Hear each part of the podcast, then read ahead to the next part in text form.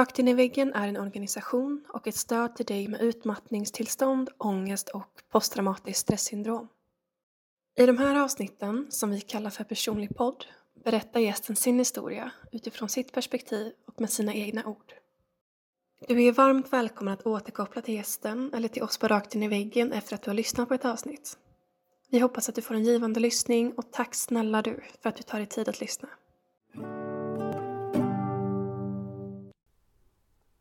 Hej och hjärtligt välkomna till det här gästavsnittet för Rakt in i väggen-podden.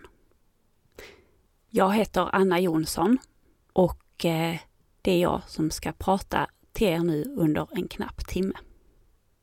Och det känns på riktigt lite ärofyllt att få göra det för jag har verkligen själv haft glädje av att lyssna på andra människors berättelser. Jag tänker att eh, jag börjar med att presentera mig lite kort för er så att eh, ni har ett litet hum om vem det är ni lyssnar på. Och jag har redan sagt att jag heter Anna Jonsson. Och jag är 34 år och jag bor i Landskrona som ligger i Skåne. Men det kanske ni anar utifrån min dialekt. Och jag är utbildad logoped. Och en logoped det är ungefär samma sak som en talpedagog.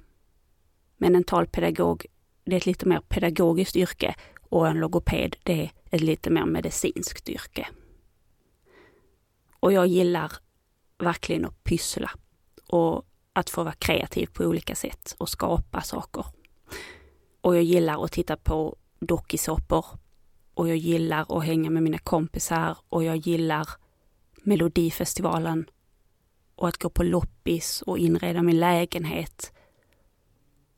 Och förutom de här lite mer roliga sakerna så är det också som så att jag är utmattad. Och jag har alltid varit en ångestfylld person. Och jag har varit sjukskriven för det här ganska länge. Jag hoppas att jag kan börja arbetsträna någorlunda snart, men eh, min vårdcentral vill att jag först ska utredas av psykiatrin. Under tiden så har jag faktiskt startat en egen podcast och den heter Före detta Fröken Duktig. Och om man lyssnar på den så är det som att man får följa med på ett studiebesök in i min hjärna och in i mitt inre. Och den handlar om hur jag försöker läka från min utmattning genom att försöka lämna prestationshets och duktig flicka-beteende och försöka börja bygga självkänsla och bli snäll mot mig själv. Yes. Temat för det här äh, gästavsnittet, det kommer vara just duktighet. För min duktighet har verkligen varit en bidragande faktor till att jag har blivit utmattad. Och för att ni inte ska känna er vilsna så tänker jag att jag drar en liten snabb dagordning för hur jag tänker lägga upp det här avsnittet. Och då är det som så att först kommer jag ge en sammanfattning av mitt duktiga liv. Och det kommer att bli den största delen av det här gästavsnittet. Och efter det så tänkte jag gräva lite i varför jag tror att jag har varit så här himla duktig. Och avslutningsvis så kommer jag prata om vad tusan man ska göra åt sin farliga duktighet. Yes box. Jag hoppas att ni tycker att det här låter spännande och att ni känner er redo. För nu så tänker jag dra igång berättelsen om mitt duktiga liv. Och min duktighet, den har visat sig allra mest genom att jag har försökt vara väldigt duktig i skolan. Och det börjar redan i lågstadiet. Då, då ville jag vara först i läseboken och ligga längst fram i matteboken och jag ville kunna räcka upp handen på typ alla frågor som vår fröken ställde. Och i mellanstadiet så började vi ha prov ibland. Och då var jag ju verkligen inte nöjd om jag inte var bäst i klassen på de proven. Men trots att jag försökte vara jätteduktig redan från årskurs ett så exploderar liksom verkligen min prestationsångest i högstadiet och framförallt i årskurs 8 när vi börjar få betyg. För då blev det otroligt viktigt för mig att få MVG på allt. Och jag la liksom ofantligt mycket tid på skolan. Jag jobbade jättehårt på lektionerna och försökte maxa tiden där och, och jag pluggade alla kvällar förutom lördagskvällar och jag pluggade på helger och jag pluggade på studiedagar och jag pluggade på sovmorgnar. Och ibland gick jag också undan på rasten och plugga.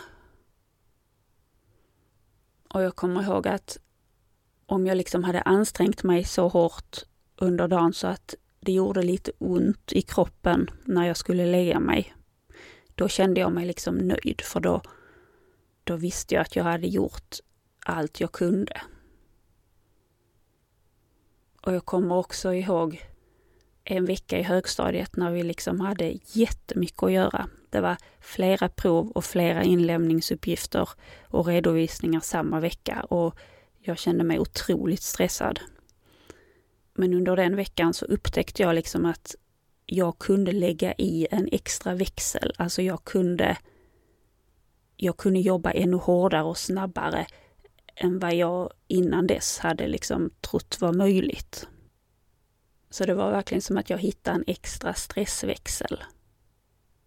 Och då tyckte jag ju det var superbra att jag hittade den här extra stressväxeln men ja, nu fattar jag ju verkligen att den är farlig. Ja, allt det här pluggandet, det ledde ju till att jag fick väldigt bra betyg. Jag fick MVG i allt. Men det är väl kanske ganska enkelt att räkna ut att jag hade inte jättemycket kompisar. Alltså dels för att man hinner ju inte ha så mycket kompisar om man pluggar på rasterna och pluggar på helgerna och pluggar på kvällarna. Men det var också för att jag såg mig själv som en otroligt ful och tråkig person. Så jag, jag kände liksom inte att jag var värd att hänga med mina klasskompisar på rasten. Och jag tänkte tyvärr att om jag sitter vid samma bord som mina klasskompisar i matsalen så gör jag deras matstund sämre eftersom jag är så otroligt tråkig. Så då, då valde jag liksom ofta att sitta själv. Och den allra värsta veckan var en vecka i nian när klassen skulle åka på skidresa till Sälen. Och jag tyckte egentligen verkligen om att åka skidor så jag ville åka på den här skidresan men jag sa att jag inte ville och anledningen till att jag sa det, det var liksom att jag jag tänkte liksom att jag kan ju inte bo, jag kan inte dela rum med någon av mina klasskompisar för eftersom jag är så otroligt tråkig så förstör jag ju resan för de klasskompisarna som jag delar stuga med. Så då är det liksom bäst för alla att jag avstår hela resan.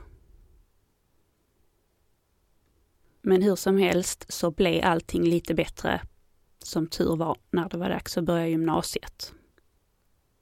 Och jag är, jag blir ganska stolt över mig själv när jag tänker på att jag bestämde mig liksom för att när jag börjar gymnasiet, då ska jag liksom börja om på ny kula. För jag hade gått i samma klass i tio år. Från förskoleklass till nian så gick jag med samma klasskompisar. Och redan i förskoleklass så var det som att jag hamnade lite fel. Jag liksom, jag hamnade i något slags väldigt blygt och försiktigt och tyst och osocialt fack där jag egentligen liksom inte hörde hemma. Så jag bestämde att jag vill gå i gymnasiet i Helsingborg för jag kom från Landskrona och gick grundskolan där. Så jag vill gå i en annan stad med andra folk och då ska jag vara social. Och det gick ganska bra faktiskt. Och jag gick verkligen på en bra gymnasieskola. Det var en ganska nystartad liten friskola där lärarna var jätteengagerade. De brydde sig verkligen om oss liksom och jag, jag kände att de tyckte liksom om mig. I högstadiet så hade väl typ alla lärare tyckt att jag var väldigt duktig. Men jag kände liksom inte att lärarna uppskattar mig som person, men det upplevde jag i gymnasiet och det betydde mycket då. Och undervisningen den var liksom rolig och eleverna var ambitiösa. Så allt var på en helt annan nivå och jag passade in mycket bättre. Och framförallt så fick jag i gymnasiet klasskompisar som ville hänga med mig på rasterna och som frågade om vi skulle umgås på fritiden och det betyder ju liksom supermycket. Sen tyvärr så vågar jag liksom inte tro att de hängde med mig för att de verkligen ville det, utan jag tänkte mer att de hängde med mig för att vara snälla. Men det var ju ändå en, ett steg helt klart i rätt riktning jämfört med högstadie-Anna liksom.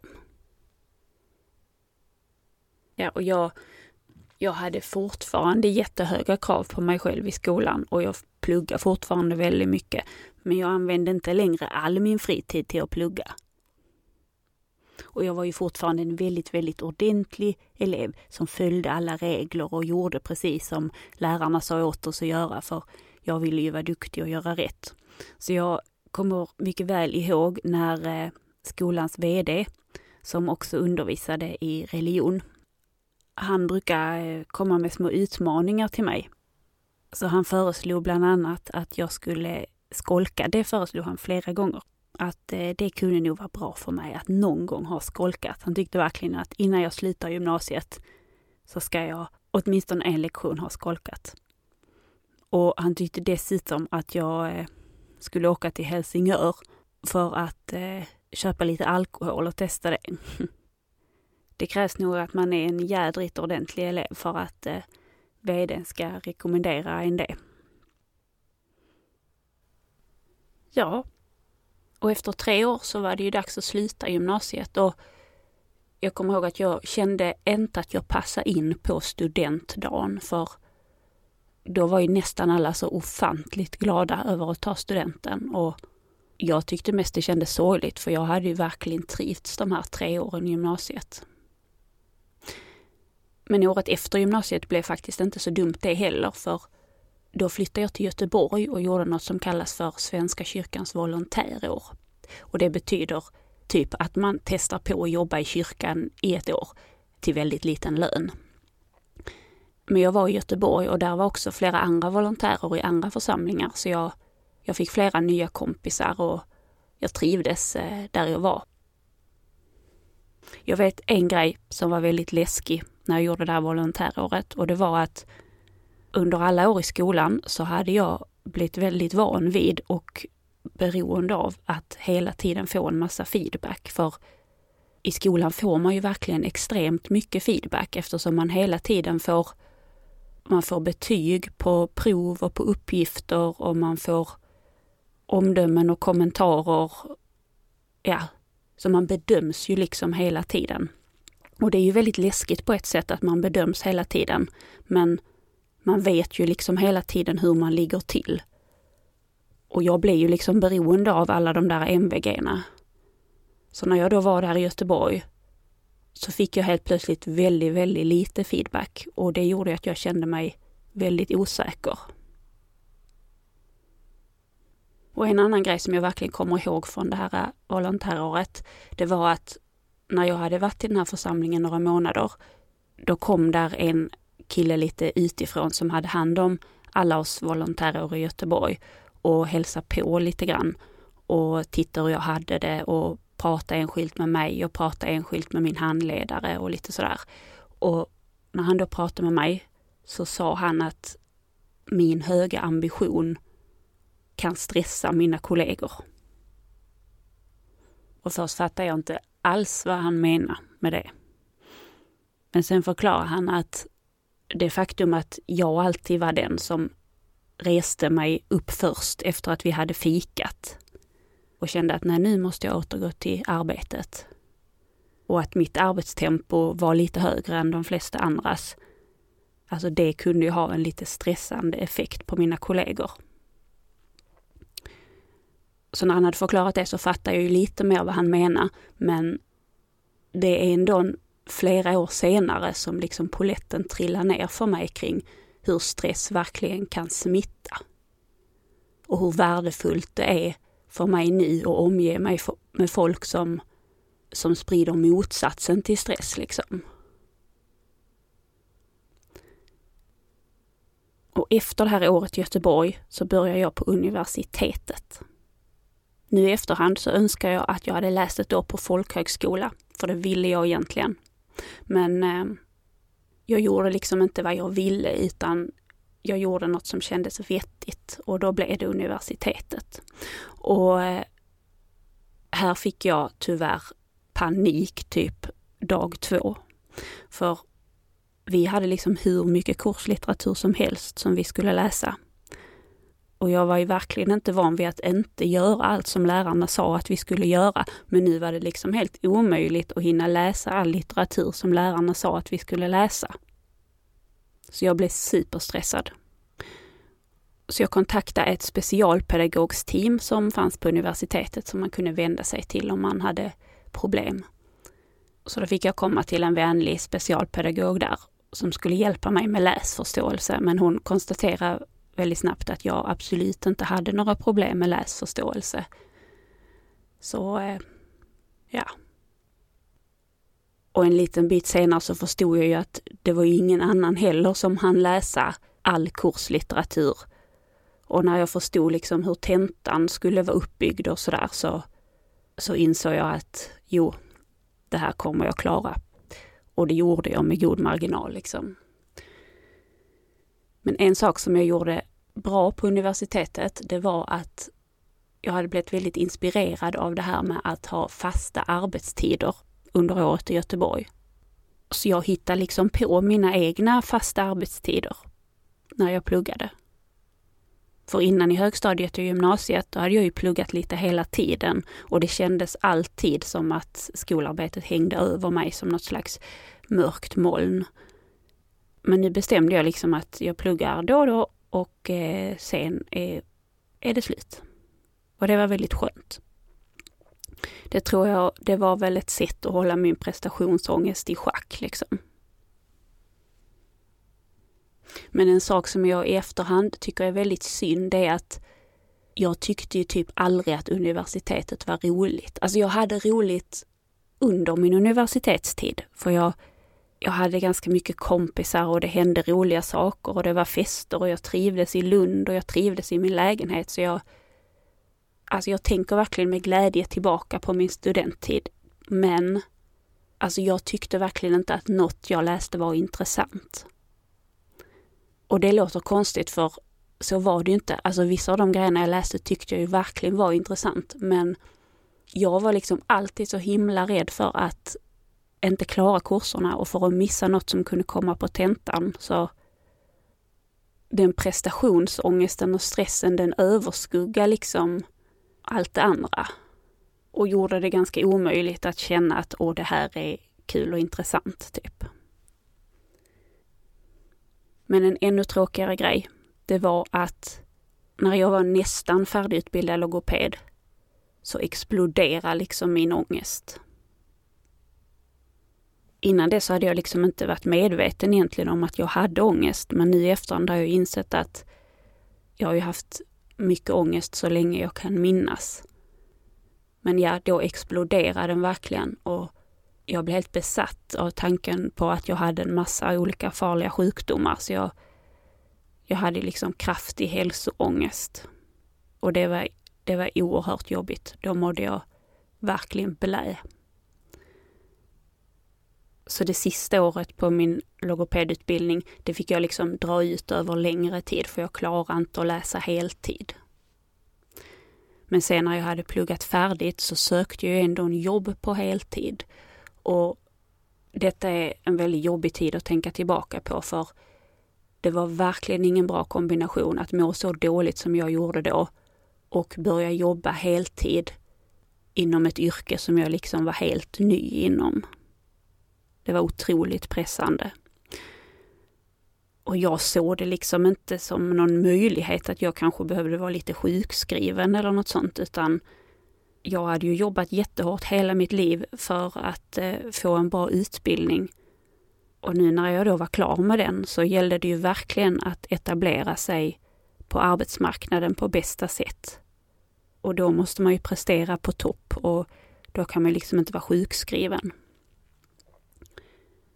Och det var väldigt tufft att vara helt ny inom yrket. Alltså ni andra som har en universitetsutbildning känner nog igen er i att när man är klar med den så har man väldigt många teoretiska kunskaper men man har väldigt många praktiska kunskapsluckor. Så det är tufft att komma ut i arbetslivet och dessutom var det så att jag hade ingen logopedkollega på mitt första jobb. Så när jag körde fast så hade jag ju liksom ingen annan logoped att fråga och det var sjukt läskigt. Och jag hade bara ett vikariat så jag kände att jag behövde ju verkligen prestera för att ha chansen på att få förlängt eller kanske chansen på att få en fast anställning. Och jag hann jobba som logoped i fyra och ett halvt år innan jag blev helt sjukskriven för utmattning. Och de fyra och ett halvt åren de känns väldigt sorgliga för eftersom jag var delvis utmattad under alla de åren så fick jag pressa mig otroligt hårt för att något sånär klara av de här jobben. Och det betyder också att all min energi gick till att jobba. Så jag hade liksom ingen energi över på fritiden alls. Ja, det här med fritiden, det leder oss över på att det är ju inte bara i skolan och yrkeslivet som jag har varit en duktig flicka. Jag sa väl i början att det är inom skolan som min duktighet har varit liksom allra mest framträdande. Men jag har ju absolut varit duktig på andra områden i livet också. Till exempel så har jag ansträngt mig jättemycket för att försöka vara en duktig vän. Så jag har liksom inte bara hängt med mina kompisar och varit mig själv och tänkt att det räcker, utan ja, jag har helt enkelt ansträngt mig väldigt mycket. Jag har till exempel verkligen försökt vara en bra lyssnare. Och verkligen försökt ställa frågor om allt det som jag liksom har gissat att mina kompisar vill att jag ställer frågor om. Och jag har ansträngt mig för att alltid vara på bra humör och för att inte ta för stor plats och ja, ta en massa hänsyn. Och förr i tiden var det också som att jag medan jag umgicks med mina kompisar så övervakar jag liksom mig själv samtidigt. För att vara liksom helt säker på att jag verkligen var tillräckligt trevlig. Och det är nog inte så svårt att räkna ut att en kompis som anstränger sig så här mycket och som liksom inte är i nyet utan håller på och övervakar sig själv, en sån person blir ju stel. Ja, och trött förstås. För det tar ju såklart väldigt mycket energi att anstränga sig så mycket. Och när jag hade en pojkvän innan, jädrar vad jag ansträngde mig i början av vårt förhållande, särskilt för att vara en tillräckligt bra partner åt honom. Det var på massa olika vis, alltså till exempel utseendemässigt så försökte jag lära mig mer om smink och jag rakade benen stup i ett och jag hade linser i ögonen trots att de skavde jättemycket. Och jag stressade ut på stan för att köpa nytt nattlinne och ja, en massa annat trams. Och sen så försökte jag också bjuda på en ny sorts fika varje gång som han kom. Eh, som ju då dessutom skulle vara så här lite piffig och kreativ och kul. Och samma sak med frukostar. Jag hittade på en jädra massa olika sorters avancerade frukostar. Och min lägenhet skulle alltid vara perfekt städad och, och jag hittade på en jädra massa överraskningar som var väldigt, väldigt gulliga men också väldigt tidskrävande. Och jag kan ju tillägga att samtidigt som jag höll på med allt det här för att vara en perfekt partner åt honom så ansträngde jag mig väldigt mycket för att inte försaka mina kompisar och min familj och mitt skolarbete. Utan jag vill ju fortfarande vara väldigt duktig där också. Och på tal om mitt ex så kan jag tillägga att det tog tyvärr väldigt lång tid innan jag hade min första pojkvän för det ingick liksom inte i min tankevärld att någon som inte var superkonstig skulle vilja ha mig för ja, jag såg mig själv liksom som väldigt oattraktiv. Och då blir det ju svårt att tro att någon vill ha en. Och jag ägnar mig ju helst åt sånt som jag var relativt duktig på. Alltså om man är en väldigt duktig flicka så kan det vara väldigt läskigt att ägna sig åt saker som, som man liksom inte alls behärskar. Och, och det här med att vara ihop med någon och att hångla med någon, det kände jag mig jättedålig på. Så det kändes liksom länge som ett alldeles för läskigt område att ge sig in på typ. Jag kommer ihåg en grej från högstadiet.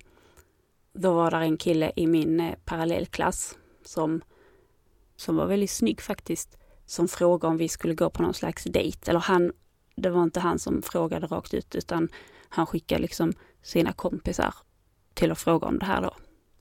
Och eh, då reagerar jag med att eh, bli väldigt arg. För i min värld så var det liksom helt omöjligt att den här snygga och trevliga killen menar allvar. Så jag liksom, jag, jag var helt säker på att eh, de driver ju bara med mig. Så då, eh, ja, då blev jag förbannad. Yes. Nu har ni fått lyssna väldigt länge på historien om mitt duktiga liv. Så nu är det verkligen hög tid att gå vidare till nästa del av det här gästavsnittet. Och i den delen ska jag försöka reda ut vad den här duktigheten kan bero på. Alltså, varför har jag varit så himla duktig? Och det som jag tror är den allra största anledningen till min duktighet är att jag har haft väldigt låg självkänsla. Och med det menar jag att jag har, jag har känt mig otillräcklig och jag har liksom inte känt att jag har dugit. Så jag har väl haft någon slags felaktig föreställning i mitt huvud om att om jag presterar tillräckligt bra, då duger jag. Och det kan man kalla för prestationsbaserad självkänsla. Alltså det här med att man försöker kompensera den alldeles för svaga självkänslan med att prestera. Så det var ju därför jag pluggade asmycket för att försäkra mig om att jag skulle få högsta betyg på allt.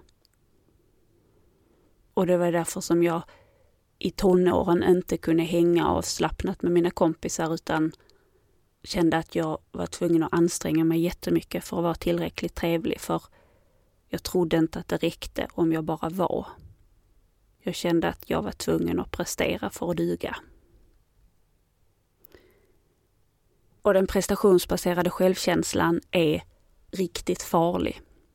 För om man har en prestationsbaserad självkänsla, då upplever man att så länge jag presterar bra, till exempel så länge jag får MVG på alla prov, ja men då duger jag som människa.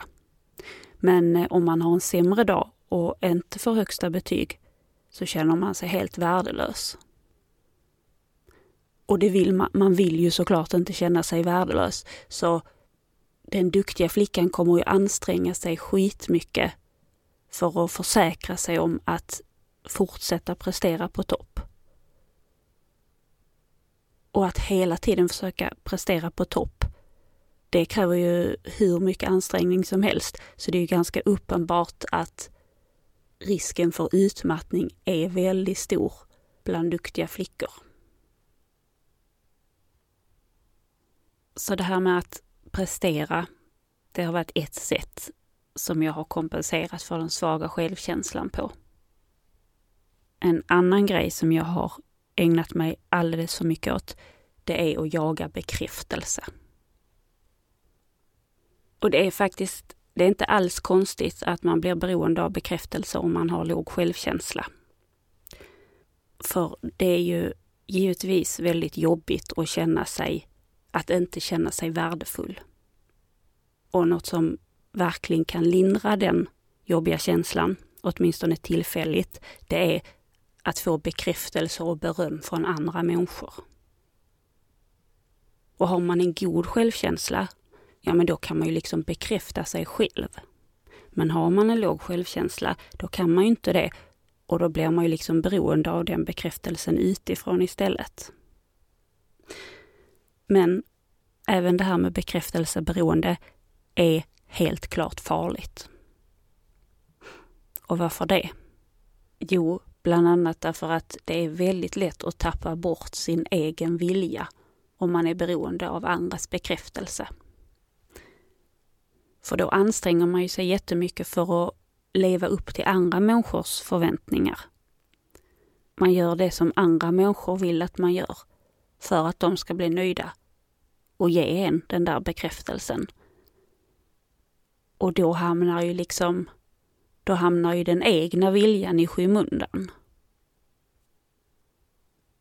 Så därför kommer jag ihåg att förr i tiden så pratar jag till exempel jätteofta om samtalsämnen som jag trodde att andra människor ville prata om. Och inte om det som jag själv verkligen ville prata om. För jag vill ju liksom bara göra de andra nöjda och jag, jag ställde massa frågor till folk som jag trodde att de ville få frågor om för att göra dem nöjda liksom och få dem att känna sig sedda och uppmärksammade. Så jag ställde liksom inte frågor till folk primärt utifrån vad jag själv faktiskt undrade. Och jag, jag tänkte att jag verkligen gillade att baka. Och jag var ganska bra på det, men nu har jag insett att jag var ju faktiskt nog aldrig intresserad av bakning i sig, utan jag var väldigt intresserad av den bekräftelsen som jag kunde få ut av att baka. För om man bakar goda och snygga och lite kreativa cupcakes, ja men då kan man få väldigt mycket bekräftelse. Och eftersom det känns så himla bra att få den där bekräftelsen så är det ju väldigt lätt hänt att man blandar ihop det med att man faktiskt tycker att det är roligt. Och en annan sak som var farligt med allt det här presterandet och jagandet efter bekräftelse, det var att mitt egna mående, det kom väldigt långt ner på min prioritetslista. Alltså, det kändes ju liksom mycket viktigare att prestera på topp i skolan och att alltid vara en supertrevlig person och göra alla möjliga människor nöjda än att jag skulle må bra. Nu har jag ju förstått att det där med att må bra är liksom en grundförutsättning för allt möjligt i livet, men det hade jag verkligen inte fattat då. Ja. Det finns nog egentligen många förklaringar till varför jag har varit en så himla duktig flicka. Och jag ska inte, jag ska inte grotta ner mig i alla dem nu, men jag vill nämna en sak till. Och det handlar om att det bor en inre kritiker i mig. Och det, det är som en slags inre röst som hela tiden pushar mig själv till att göra saker ännu bättre. Och som hela tiden kritiserar mig och upptäcker alla små fel och brister och inte nöjer sig förrän jag har gjort saker i stort sett perfekt. Och den här inre kritikern tycker det är oerhört mycket viktigare att jag presterar på topp än att jag mår bra. Ja. Nu har ni fått veta lite om vilka faktorer som jag tror har drivit mig till att vara sådär duktig. Så nu är det faktiskt dags att gå vidare till det här gästpoddavsnittets tredje och sista del. Och nu ska vi vara lite konstruktiva för den här delen, den ska ju handla om vad tusan man kan göra åt den där destruktiva duktigheten.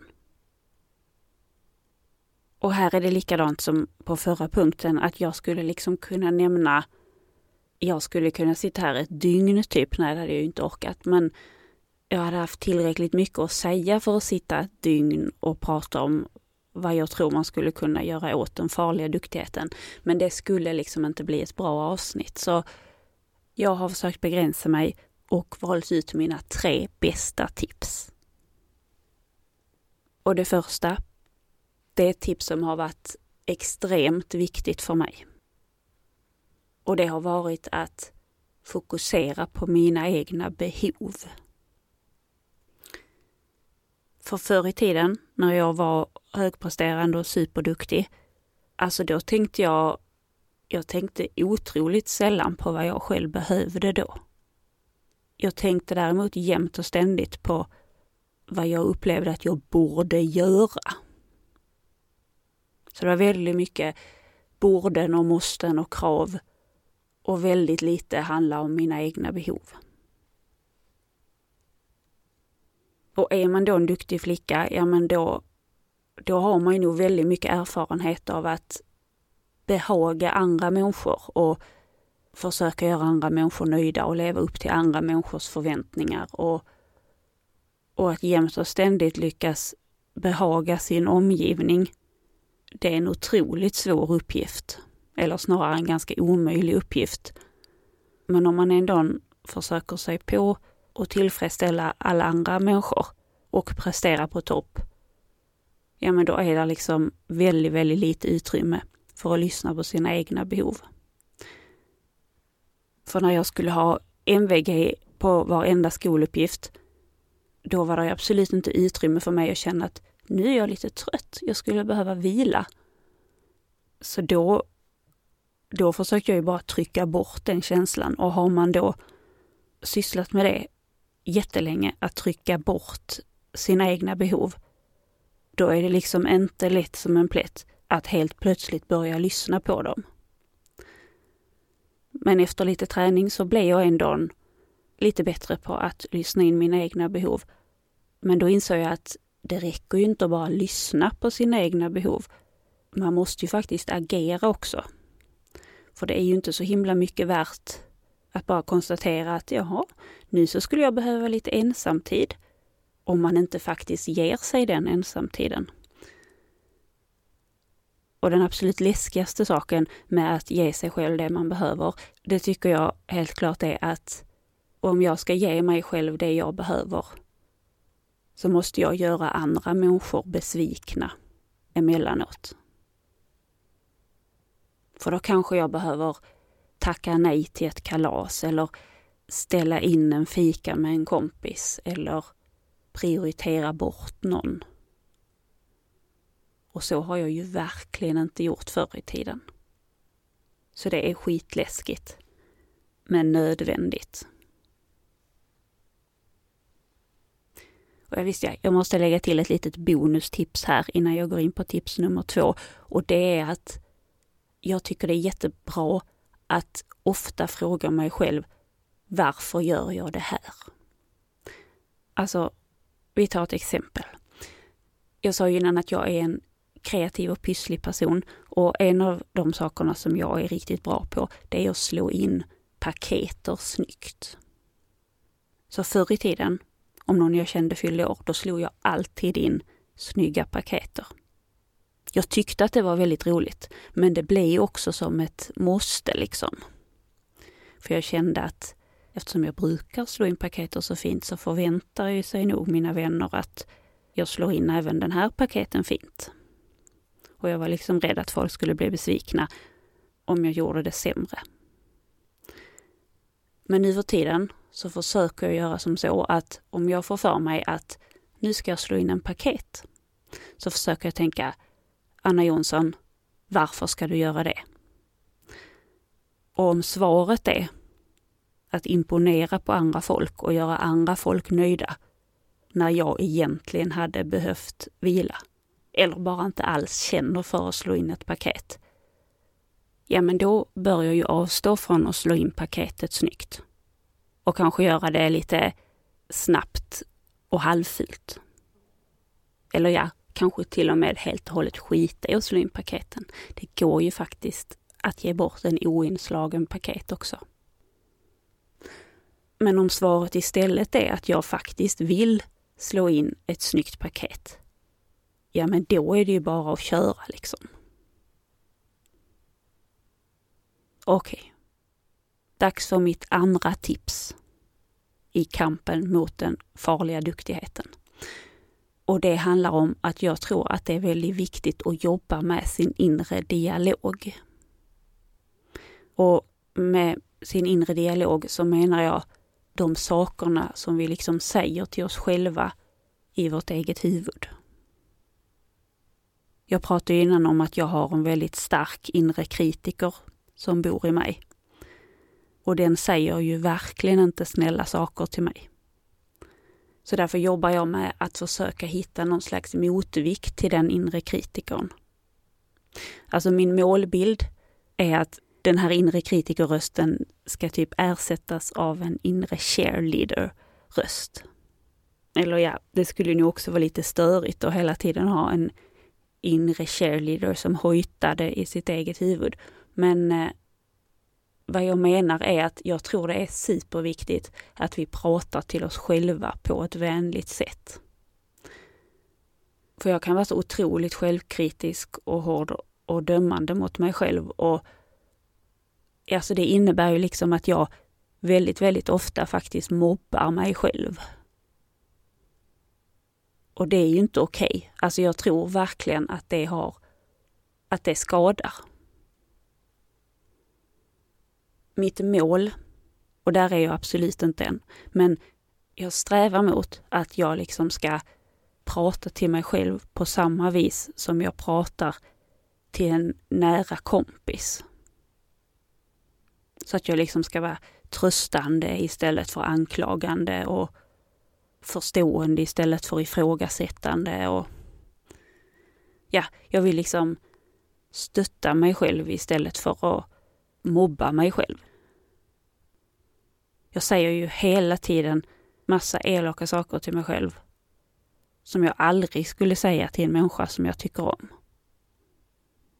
Och jag tror att det skadar oss mer än vad vi kanske tror. Yes. Nu är det dags för mig att presentera mitt tredje och sista tips. Och det handlar om att försöka hitta både människor och sammanhang där man verkligen trivs. För jag tror att om man är en duktig person så är det ganska stor risk att man inte riktigt själv har valt sina sammanhang och sina människor. Inte fullt ut i alla fall, för för min del så har det varit så att eftersom jag har haft alldeles för låg självkänsla så har jag liksom känt mig så himla glad och tacksam när jag har märkt att människor har velat vara med mig. Så det har jag liksom tackat och tagit emot på något vis och tänkt alldeles för lite på om jag verkligen vill vara med de människorna. Och på samma sätt så har jag ju heller inte riktigt valt mina sammanhang utifrån var jag verkligen vill vara och var jag trivs. Utan min duktighet har liksom styrt ganska mycket var jag har hamnat. Som till exempel det här jag nämnde innan med att jag egentligen hade velat gå på folkhögskola ett litet tag. Men jag gjorde inte det. För ja, dels var det någon som tyckte att jag inte skulle göra det och då lyssnade jag alldeles för mycket på det. Och sen så kändes det liksom också bara vettigare att börja på universitetet direkt istället. Och jag vågar typ inte tänka tanken och utbilda mig till något, något yrke där man inte hjälper människor. För som en liksom duktig och god människa så tänkte jag att eh, det är det som gäller liksom. Men i efterhand så ångrar jag verkligen att jag inte mer tänkte utifrån vad jag själv ville och vad jag själv skulle må bra av. Och ja, det här med att vara i sammanhang och med människor där man verkligen trivs. Det är givetvis superviktigt i sig. Men dessutom, sen jag blev utmattad så har jag insett att när jag är med människor som jag känner mig bekväm med och när jag är i sammanhang där jag liksom trivs och känner mig hemma så förbrukar jag så otroligt mycket mindre krafter än när jag är i sammanhang där jag inte riktigt trivs. Och där jag kanske känner att jag behöver göra mig till lite. Ja, det handlar väl liksom om när jag är bekväm och kan slappna av, då orkar jag så himla mycket mer. Och det var liksom inte alls lika tydligt innan utmattningen, för då, då hade jag ju mycket mer energi och kunde liksom köra på i en helt annan utsträckning. Men nu när energin är så pass begränsad, då blir det väldigt tydligt vilka sammanhang som suger alldeles för mycket energi av mig. Ja, det var mina tre bästa tips mot den farliga duktigheten. Och när det kommer till det här med åtgärder för att må bättre så vill jag också säga att jag tror man måste ha supermycket tålamod med sig själv. För en väldigt större grej med alla de här botemedlen som jag har nämnt, det är att det är ju verkligen inga quick fixes. Utan man måste jobba så jävla hårt med sig själv. För om man, som i mitt fall, har levt på ett sätt i 30 år och sen kraschar och inser att oj, det här var fel. Ja, då är det ju verkligen ett jättejobb att lära om. Och då måste man öva hur mycket som helst. Jag tror det är viktigt att ha tålamod med sig själv och inse att det är en jättesvår uppgift att lära om. Och hela det här jättestora förändringsarbetet, det är ju inte riktigt självvalt. Det är inte så att jag tänkte, nej men nu vill jag ta och utvecklas som människa, utan om man blir riktigt sjuk i utmattning, då är det ju liksom verkligen ett påtvingat, man blir tvungen att förändra väldigt mycket. Fördelen är förstås att jag kommer att utvecklas väldigt mycket som person när jag kommer ut på andra sidan. Men det krävs en enorm arbetsinsats för att komma dit. Ja, och en annan grej som jag verkligen vill säga kopplat till det här med tips på hur man kan må bättre. Det är att det jag sa nu, det var ju mina tre bästa tips. Och kanske passar alla de tre tipsen för dig som lyssnar. Eller så passar ingenting eller så passar något litet av dem för dig. För jag har insett att det är så jädra olika vad som funkar på olika människor. Och här har jag liksom känt mig så jädra arg på vården. För jag har tyvärr träffat på alldeles för många inom vården som liksom tror sig veta vad som är bäst för mig. Och som tror sig ha en massa generella svar när de faktiskt inte riktigt vet vad de pratar om och framförallt inte har hunnit lyssna in mig tillräckligt. För det kan nog verkligen finnas väldigt många olika sätt för oss som vi behöver läka på.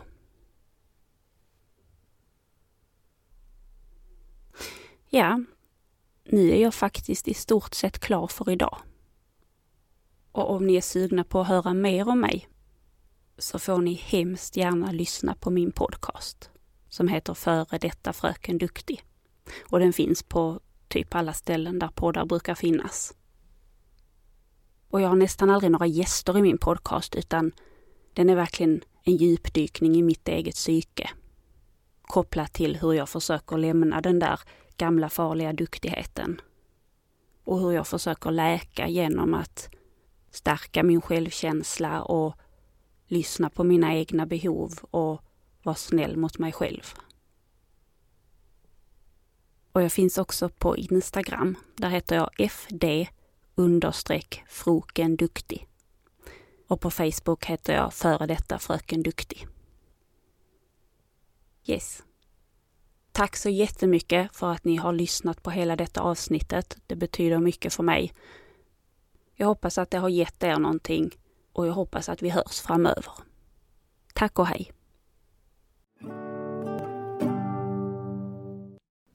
Vill du också medverka i Rakt in i väggens podcast? Besök vår hemsida för mer information på www.raktinivaggen.com medverkan. Om du vill tipsa oss om en poddgäst eller om du har en fråga eller synpunkt på det vi gör kan du alltid mejla oss på podcast raktinivaggen.com för att få svar. Tack för att du lyssnar.